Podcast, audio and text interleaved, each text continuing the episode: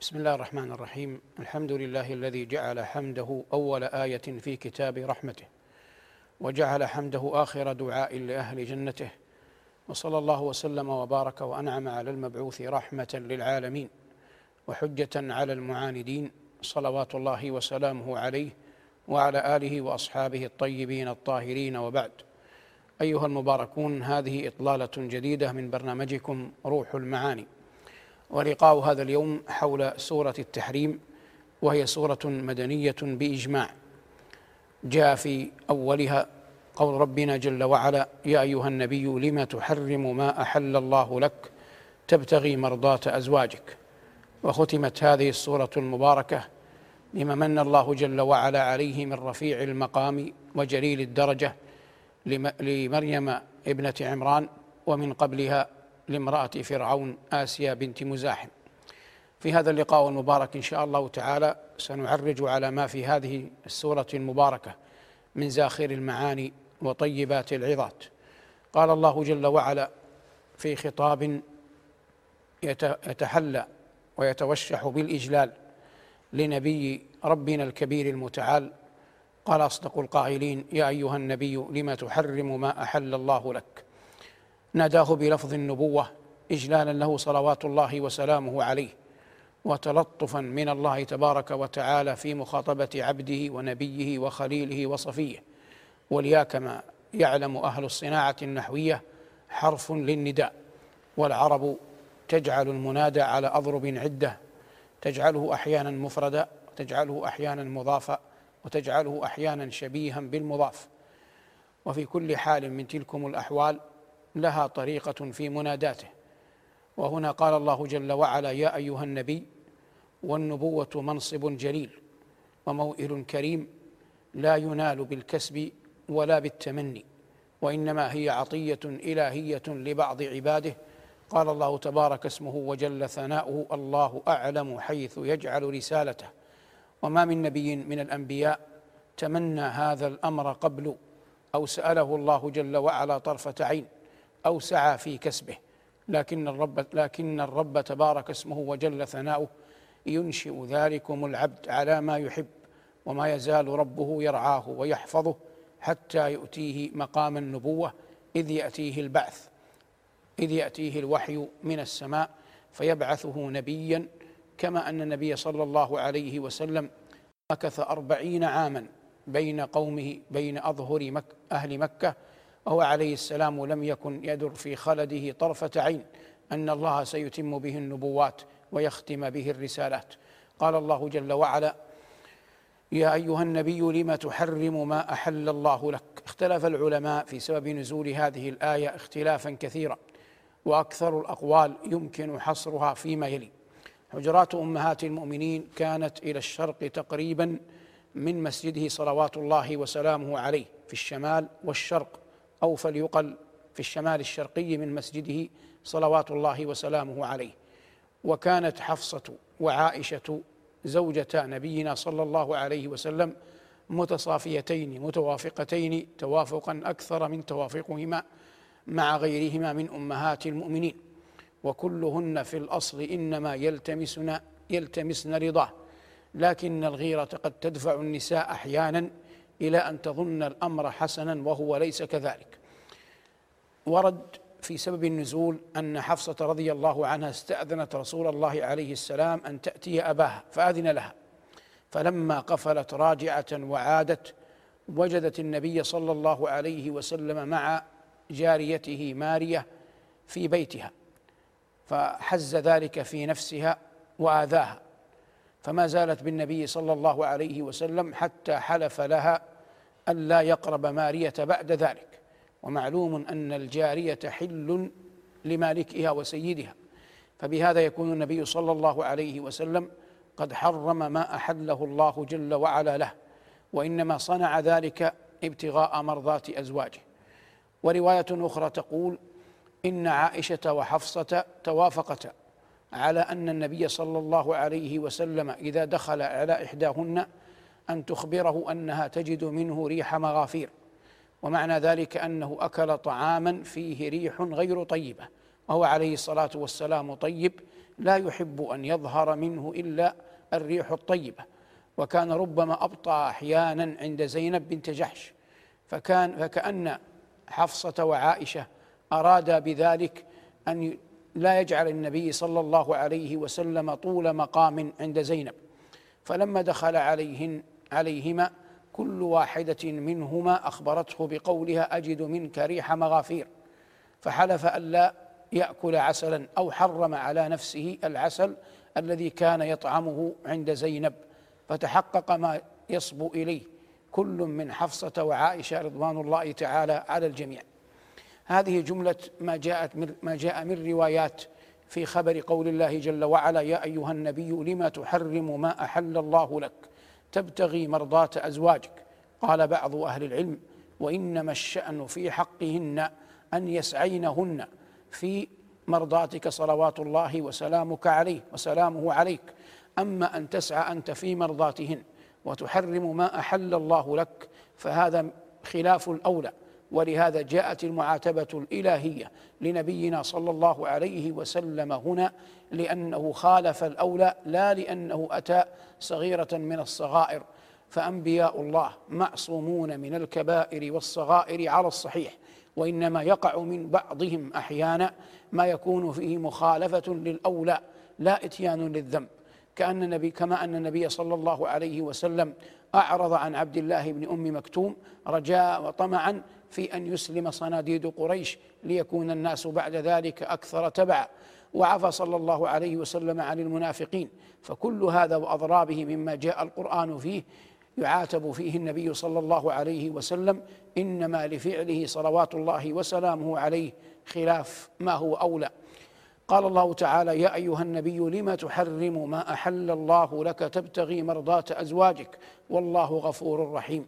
فقال ربنا جل وعلا والله غفور رحيم وإن كان هذا وإن كان هذان الإسمان العظيمان من أسماء الله الحسنى إنما يقال غالبا إن كان هناك ذنب وخطيئة إلا أنه جيء به هنا لمقام رسول الله صلى الله عليه وسلم.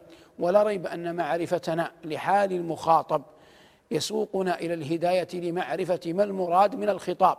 لأن لكل لأن لكل مقام مقالة والأحوال تختلف وتتباين. لكن إدراك وفق هذا السياق يعين كثيرا على على فهمها. والله غفور رحيم. ثم قال ربنا قد فرض الله لكم تحلة أيمانكم. وهذا كأن فيه تشبيه كأن اليمين عقد والكفارة حل لها. كأن اليمين عقد والكفارة حل لها. قال الله جل وعلا قد فرض قد فرض الله لكم تحلة أيمانكم واليمين تنعقد أيها المبارك على أضرب ثلاث إما أن تكون يمينا غموسا وهذه تغمس صاحبها في النار وهي من كبائر الذنوب ولا كفارة لها وهي من كبائر الذنوب ولا كفارة لها ولها صورتان أن يخبر الإنسان بشيء على أنه لم يكن وهو يعلم أنه قد كان. أو يخبر الإنسان بشيء على أنه قد كان وهو يعلم يقينا أنه لم يكن. فما ينفك من يمين إلا من يمين غموس إلا وتؤوب إلى مثل هاتين الصورتين. إلا وتؤوب إلى مثل هاتين الصورتين. وكون الإنسان يقسم بالله العظيم وهو يعلم جلال الله وعظمته أو بأحد أسمائه أو صفاته جل ذكره وهو يعلم ما لله جل وعلا من نعوت الجلال وصفات الكمال ثم يجعل ذلك قسما يقنع به قائله وهو يعلم أن الأمر يقينا خلاف ما يقول. فهذا والعياذ بالله هي اليمين الغموس التي تغمس صاحبها في النار وهي من كبائر الذنوب. وكثيرا ما توجد أمثال هذه الأيمان عند التجار حتى تنف حتى يتمكنوا من أن ينفقوا ما لديهم مما يريدون بيعه للناس. ولهذا تكثر فيهم أكثر من غيرهم. ثم تكون اليمين أشد حالا إن كانت عند منبر رسول الله صلى الله عليه وسلم. تكون اليمين أشد حالا إن كانت عند منبر رسول الله صلى الله عليه وسلم وكانت وقتا وزمنا بعد صلاة العصر. اليمين الثانية هي اليمين المنعقدة هي اليمين المنعقدة لما يستقبل من الزمان. أما الأولى اليمين الغموس هي للشيء الذي قد مضى. أما اليمين المنعقدة فهي لما يستقبل من الزمان. يحلف الرجل على الشيء يحلف الرجل على الشيء يأتيه ثم لا يأتيه. أو يحلف على الشيء أن لا يأتي ثم يأتيه. يعني يفعله ثم لا يفعله أو يحلف أن لا يفعله ثم يفعله. فهذه اليمين المنعقدة وهذه هي التي جاءت فيها الكفارة. وهذه هي التي جاءت فيها الكفارة. فعلى تطبيقها على حال النبي صلى الله عليه وسلم في هذه الآية إن كان هناك يمين وحلف منه صلوات الله وسلامه عليه فيكون المعنى أنه عليه السلام أقسم مستقبلا ألا يأكل عسلا أو ألا يقرب مارية. فهذا تحريم لما أحل الله له. لكن ذلك ينجلي إن كفر عن يمينه إن كفر عن يمينه. وتكفير اليمين يكون كما قال الله جل وعلا فكفارته إطعام عشرة مساكين من أوسط ما تطعمون أهليكم أو كسوتهم أو تحرير رقبة. فهذه الثلاث بالخيار تحرير رقبة أو كسوة عشرة مساكين أو إطعامهم.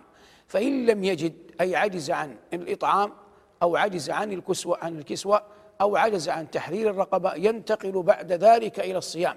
لكن لا يبدأ بالصيام أصلا. ولا يجعل الصيام داخلا في التخيير إنما يلجأ إلى صيام ثلاثة أيام إذا عجز عن الثلاث التي خير بها. قال الله جل وعلا فمن لم يجد فصيام ثلاثة أيام. قال أصدق القائلين فمن لم يجد فصيام ثلاثة أيام. اليمين الثالثة هي اليمين اللغو التي يقولها الإنسان دون أن يتعمدها وإنما تجري على لسانه. قال أصدق القائلين لا يؤاخذكم الله باللغو في أيمانكم. قال ربنا لا يؤاخذكم الله باللغو في أيمانكم. وهذا من رفع الحرج عن الأمة ورفع المشقة عنها.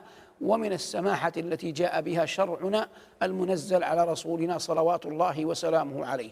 قال ربنا قد فرض الله لكم تحلة أيمانكم والله مولاكم أي ناصركم ومعينكم. وكلمة مولى أيها المبارك تأتي على أضرب عدة. تأتي ويراد بها النصير والظهير كما في هذه الآية. وهذا يفهم إذا كان الخطاب يتحدث عن المؤمنين. وتأتي بمعنى الرب والسيد وهذا من معانيها قول الله تبارك وتعالى أو من أحوالها في القرآن. قول ربنا تبارك وتعالى ثم ردوا إلى الله مولاهم الحق. ثم ردوا إلى الله مولاهم الحق أي ردوا إلى ربهم. وقال جل وعلا ذلك بأن الله مولى الذين آمنوا وأن الكافرين لا مولى لهم. هنا بمعنى نصير مثل الأولى. أما الثانية في سورة الأنعام ثم ردوا إلى الله مولاهم الحق بمعنى الرب والسيد وتأتي بمعنى العبد وتأتي بمعنى العبد. قال الله جل وعلا ولكل جعلنا موالي مما ترك الوالدان والأقربون. فيقال مولى كما يقال للسيد مولى يقال كذلك للعبد مولى فهي من الكلمات التي تأتي على أضرب عدة. لكن هنا بمعنى النصير والظهير قال الله جل وعلا والله مولاكم وهو العليم الحكيم ثم جاءت الآية التي تليها تخبر عما وقع في حجرات أمهات المؤمنين وإذ وهذا ظرف لما قد مضى من الزمان وإذ أسر النبي إلى بعض أزواجه حديثا فلما نبأت به وأظهره الله عرف بعضه وأعرض عن بعض. فلما نبأها به قالت من أنبأك هذا؟ قال نبأني العليم الخبير. واختلفت كلمة العلماء في هذا لكن يفهم منه أنه أحيانا من يخالطك لا يلزم منك أن تخبر لا يلزم منك أن تخبره بكل شيء. فالله جل وعلا يقول عرف بعضه وأعرض عن بعض. عرف بعضه وأعرض وأعرض عن بعض. ومن حق الإنسان على نفسه أن يبقي أشياء لنفسه يحفظها حتى مع زوجته. وبعض الأحاديث يحسن قولها لمن هو أبعد ولا يحسن قولها لمن هو أقرب. وبعضها يتوخى الإنسان به عاقلا لبيبا. يمكن أن يحمل عنه سره و يحمل عنه همه وقد قالت العرب ولا بد من شكوى إلى ذي مروءة يواسيك أو يسليك أو يتوجع والعاقل البصير يعرف الناس قبل أن يخاطبهم. ويبتليهم قبل أن يحادثهم. على أن الإنسان بحسب ما تفرزه بما تأتي له به الأيام فكلما كان الإنسان أكثر تجربة كان أكثر ترويا في حديثه إلى الناس. وبعض الناس يسرف في هذا الأمر أي في البعد عن الخلق حتى لا يكاد يثق بأحد. قال المتنبي وصرت أشك في من أصطفيه لعلمي أنه بعض الأنام. وصرت أشك في من أصطفيه لعلم أنه بعض الأنام وهذا إيغال في الشك في الناس. لكن مع ذلك فإن العاقل يحذر. وقد مر معنا أن معاوية رضي الله تعالى عنه سئل ما بلغ من عقلك؟ قال لم أثق بأحد قط. ولا ريب أن الأمور كلما عظمت كان كتمان الأسرار فيها أولى وأحرى. أما في الحياة الزوجية كما هو في الحال في هذه الآية المباركة فإن الأحوال تختلف. فحينا يحسن بالمرء أن يفصح عن الحديث كله وحينا يحسن أن يفصح به لكن يأتي به يأتي به بألفاظ لا تجعل الناس أو تجعل أهل بيته يرتابون فيه. والمقصود من ذلك اتباع الطرائق المثلى في التعامل مع الخلق من القريب ومن البعيد. قال الله جل وعلا وإذ أسر النبي إلى بعض أزواجه حديثا فلما نبأت به وأظهره الله عرف بعض أظهره الله عليه عرف بعضه وأعرض عن بعض. قالت من نبأك هذا؟ قالت من أنبأك هذا؟ قال نبأني العليم الخبير. فقول الله تبارك وتعالى عن نبيه أنه قال نبأني العليم الخبير يبين أن الوحي به نصر الله جل وعلا رسوله صلى الله عليه وسلم ورحم الله شوقي بقوله فالآي تترى والخوارق جمة جبريل رواح بها غداء. فالآي تترى والخوارق جمة جبريل رواح بها غداء. قال الله جل وعلا نبأني العليم الخبير. ثم جاءت الآية التي بعدها تعاتب عائشة وحفصة رضي الله تعالى عنهما على ما وقع منهما. قال الله جل وعلا إن تتوبا إلى الله فقد صغت قلوبكما. صغت بمعنى مالت وعدلت بمعنى مالت وعدلت عن الطريق. أي أن المقصود إن تتوبا فقد جئتما بما يوجب التوبة. فقد جئتما بذنب يوجب التوبة. إن تتوبا إلى الله فقد صغت قلوبكما. وقد جاء عن الحبر بن عباس رضي الله تعالى عنهما قال مكثت سنة أريد أن أسأل عمر رضي الله عنه وأرضاه عن المرأتين اللتين تظاهرتا على النبي صلى الله عليه وسلم فكنت لم أستطع أن أسأله هيبة له حتى حججت معه فسألته. فقال وعجبا لك يا ابن عباس؟ هما عائشة وحفصة. هما عائشة وحفصة. قال الزهري رحمه الله معلقا كره والله أن يخبره لكنه لم يقدر على أن يكتم العلم. كره والله أن يخبره لكنه لم يقدر على أن يكتم العلم. وفي تعليق الزهري هذا فيه نظر لكن ذلك ما فقيه هذا الإمام من جواب أمير المؤمنين عمر بن الخطاب رضي الله عنه لابن عباس والعلم عند الله. قال أصدق القائلين إن تتوبا إلى الله فقد سقط قلوبكما. وإن تظاهر عليه تتعاونا وتبقيا على ما وتبقيان على ما أنتما عليه. في محاولة إفشاء بعض سره صلوات الله وسلامه عليه وإن تظاهر عليه فإن الله هو مولاه وجبريل وصالح المؤمنين والملائكة بعد ذلك ظهير. فمقام صلوات الله وسلامه عليه مقام جليل ومنزل منيف ومعقل شريف. ولهذا قال الله جل وعلا فإن الله هو مولاه. ولا ريب أن من كان الله مولاه يكفيه لكن المراد إظهار جليل المقام لنبينا صلى الله عليه وسلم. فإن الله هو مولاه وجبريل وصالح المؤمنين. وقد قيل في تفسير وصالح المؤمنين أبو بكر وعمر. وقد جاء عند مسلم في الصحيح ما يؤيد هذا المعنى لكن لا ينبغي حصره فيهما. وإن كان رضوان الله تعالى عليهما يدخلان في الباب في المقام الأول. ثم قال الله جل وعلا والملائكة بعد ذلك ظهير. مع أنه قال في الأول في حق جبريل فإن الله هو مولاه وجبريل. في فيصبح عطف الملائكة على جبريل من باب عطف العام على الخاص إظهارا لمنزلة جبريل ومقامه عليه السلام. فإن الله هو مولاه وجبريل وصالح المؤمنين والملائكة بعد ذلك ظهير. وعسى من الله واجبة. قال الله جل وعلا بعدها عسى ربه إن طلقكن. وهذا يجري مجرى, مجرى الوعيد مجرى التهديد والتخويف لا أنه سيقع. قال الله جل وعلا عسى ربه إن طلقكن أن يبدله أزواجا خيرا منكن.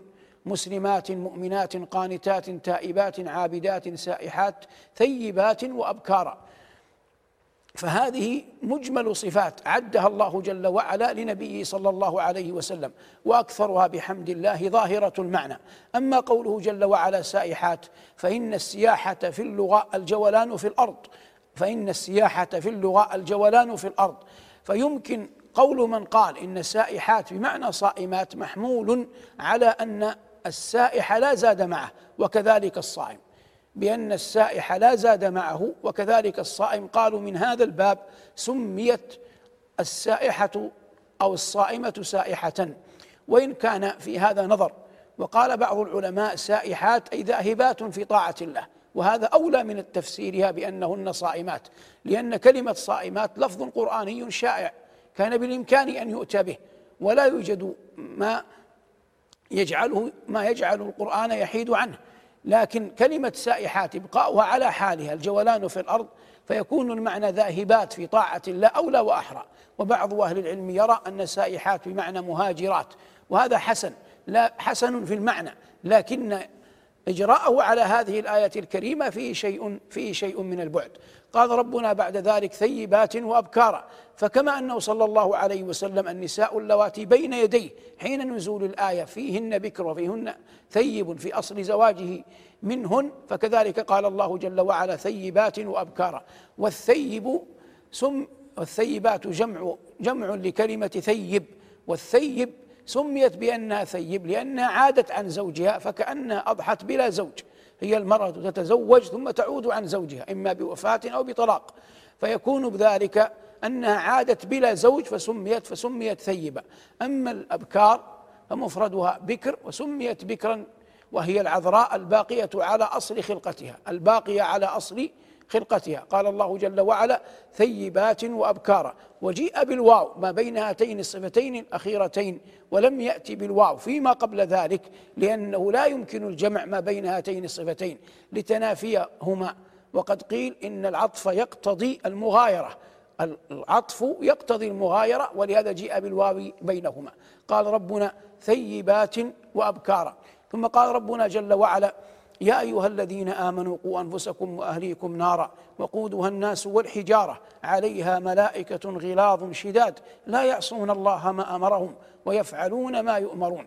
الخطاب في صدر السورة للنبي صلى الله عليه وسلم والخطاب هنا للمؤمنين وإن كانت التوبة كما قال العلماء فرضا على الأعيان. فرضا على الأعيان بدليل قول الله جل وعلا وتوبوا إلى الله جميعا أيها المؤمنون لعلكم تفلحون. قال ربنا هنا يا أيها الذين آمنوا يا أيها الذين آمنوا قوا أنفسكم وأهليكم نارا.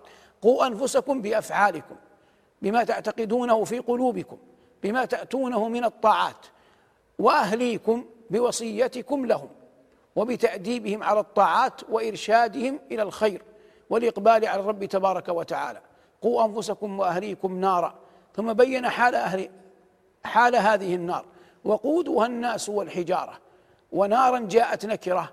وما بعدها جملة اسمية والجمل بعد المعارف أحوال وبعد النكرات صفات. فيصبح المعنى أن من صفات هذه النار أن وقودها الناس أن وقودها الناس والحجارة قال ربنا عليها ملائكة غلاظ شداد لا يعصون الله ما أمرهم ويفعلون ما يؤمرون.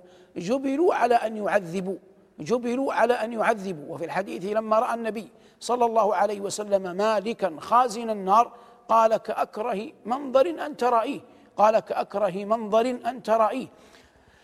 قال ربنا لا يعصون الله ما أمرهم ويفعلون ما يؤمرون. ولما يكون حال حال دخول أهل النار النار حالة انكسار قال الله جل وعلا يا أيها الذين كفروا لا تعتذروا اليوم. أي يوم؟ يوم دخولكم النار. وهذا يقطع الأطماع في أن يعودوا إلى الدنيا. والله جل وعلا قال عنهم إذا رأوا النار أنهم يطلبون العودة إلى الدنيا. ومع ذلك قال أصدق القائلين ولو ردوا لعادوا لما نهوا عنه وإنهم لكاذبون. فقال ربنا جل وعلا هنا يا أيها الذين كفروا لا تعتذروا اليوم إنما تجزون ما كنتم تعملون أي في الدنيا. ثم جاء ما حررناه قبل قليل من أن التوبة فرض على الأعيان. قال الله جل وعلا يا أيها الذين آمنوا توبوا إلى الله توبة نصوحا التوبة النصوح تكون بالثلاثة. ما معنى بالثلاثة الأحوال؟ أن تكون عقد في القلب وندم على ما قد كان واستغفار باللسان وعمل بالجوارح. عمل بالجوارح واستغفار باللسان وعقد القلب في وعقد النية والعزم في القلب على ألا يعود لما قد كان مع الندم على ما كان منه. فإن كانت الحال تتعلق بغيره من الناس وجب رد المظالم إلى أهلها. يا أيها الذين آمنوا توبوا إلى الله توبة نصوحا. عسى ربكم أن يكفر عنكم سيئاتكم ويدخلكم جنات تجري من تحتها الأنهار. يوم لا يخزي الله النبي والذين آمنوا معه. نورهم يسعى بين أيديهم وبأيمانهم يقولون ربنا أتمم لنا نورنا واغفر لنا إنك على كل شيء قدير. وهذا حال من أحوال المؤمنين على الصراط. وهذا حال من أحوال المؤمنين على الصراط. ثم ذكر الله جل وعلا حال نبيه مع من معه في المدينة من الكفار والمنافقين. فقال ربنا يا أيها يا أيها النبي جاهد الكفار والمنافقين واغلظ عليهم ومأواهم جهنم وبئس المصير. لما قرن ما بين الكفار والمنافقين علمنا أن المجاهدة هنا تكون بالسيف لأهل الكفر وتكون بالحجة لأهل النفاق. لأن المنافقين يظهرون الإيمان وإظهارهم الإيمان في الغالب يعصم دماءهم فليس لنا بالسيف عليهم سبيل. فيكون الحال مجاهدة الكفار تكون بالسيف ومجاهدة المنافقين تكون تكون بالحجة. وهذا كله في أحواله المعروفة المفصلة في كتب الفقهاء. قال الله جل وعلا يا أيها النبي جاهد الكفار والمنافقين واغلظ عليهم ومأواهم جهنم وبئس المصير. ثم ذكر الله جل وعلا خاتما. هذه السورة المباركة بعد أن تحدث قبل قبلها بآيات عن حال عائشة وحفصة ضرب مثلا أحدهما يحمل الترهيب والآخر يحمل الترغيب. فقال في الترهيب تخويفا وإلا عائشة وحفصة في منزلة رفيعة. قال الله جل وعلا ضرب الله مثلا للذين كفروا امرأة نوح وامرأة لوط. كانتا أي امرأة لوط وامرأة نوح تحت عبدين من عبادنا صالحين. ولا ريب أن ثناء الله جل وعلا على نوح ولوط بأنهما عبدان صالحان مما يطلب بماء العينين. ويا ليتنا نصل إليه. فهذا ثناء من الله عظيم على هذين العبدين الصالحين. قال ربنا فخانتاهما وليست الخيانة هنا خيانة على الفراش قطعا. أجمعت الأمة على أن هذا منتفي في حق نساء الأنبياء. منتف في حق نساء الأنبياء. لكن الخيانة هنا خيانة بالكفر. خيانة بالكفر. فأما الداء الأعظم الذي كان في امرأة نوح فإنها كانت تقول عنه وهو نبي الله وأول الرسل تقول عنه إنه مجنون. وأما خيانة امرأة لوط فإنها كانت تدل قومها على أضيافه. فإنها كانت تدل قومها على أضيافه. هذا ما كان من امرأة نوح وامرأة لوط مع تمسكهما عياذا بالله بالكفر. قال الله جل وعلا فخانتاهما فلم يغنيا عنهما من الله شيئا. أي لم يغن نوح عن زوجته ولم يغن لوط عن زوجته لأن الكفر والشرك بالله جل وعلا وخيانة الدين ليست مما يقبل أن تكون فيها شفاعة. فعلى قربهما من نوح ولوط يأكلان معهما تأكل كل واحدة منها تأكل مع زوجها وتطعم معه وتنام على فراشه ومع ذلك كل ذلك ليس موجبا ابدا أن يكون هناك شفاعة من نوح لزوجته ولا من لوط لامرأته. قال الله جل وعلا فخانتاهما فلم يغنيا عنهما من الله شيئا. وفي هذا تحذير عظيم لعائشة وحفصة ولكل امرأة. فلم يغني عنهما من الله شيئا. وقيل ادخلا النار مع الداخلين. أي أن الله جل وعلا قضى بأن هاتين المرأتين مآلهما النار رغم أنهما زوجتا نبيين. قال الله جل وعلا بعدهما بعد سياق الترهيب جاء سياق الترغيب قال ربنا تبارك وتعالى وضرب الله مثلا للذين آمنوا امرأة فرعون إذ قالت رب ابن لي عندك بيتا في الجنة ونجني من فرعون وعمله ونجني من القوم الظالمين. فاختارت الجار قبل الدار رب ابن لي عندك بيتا في الجنة ونجني من فرعون وعمله ونجني من القوم الظالمين. فهي على الضد من الحال الأول.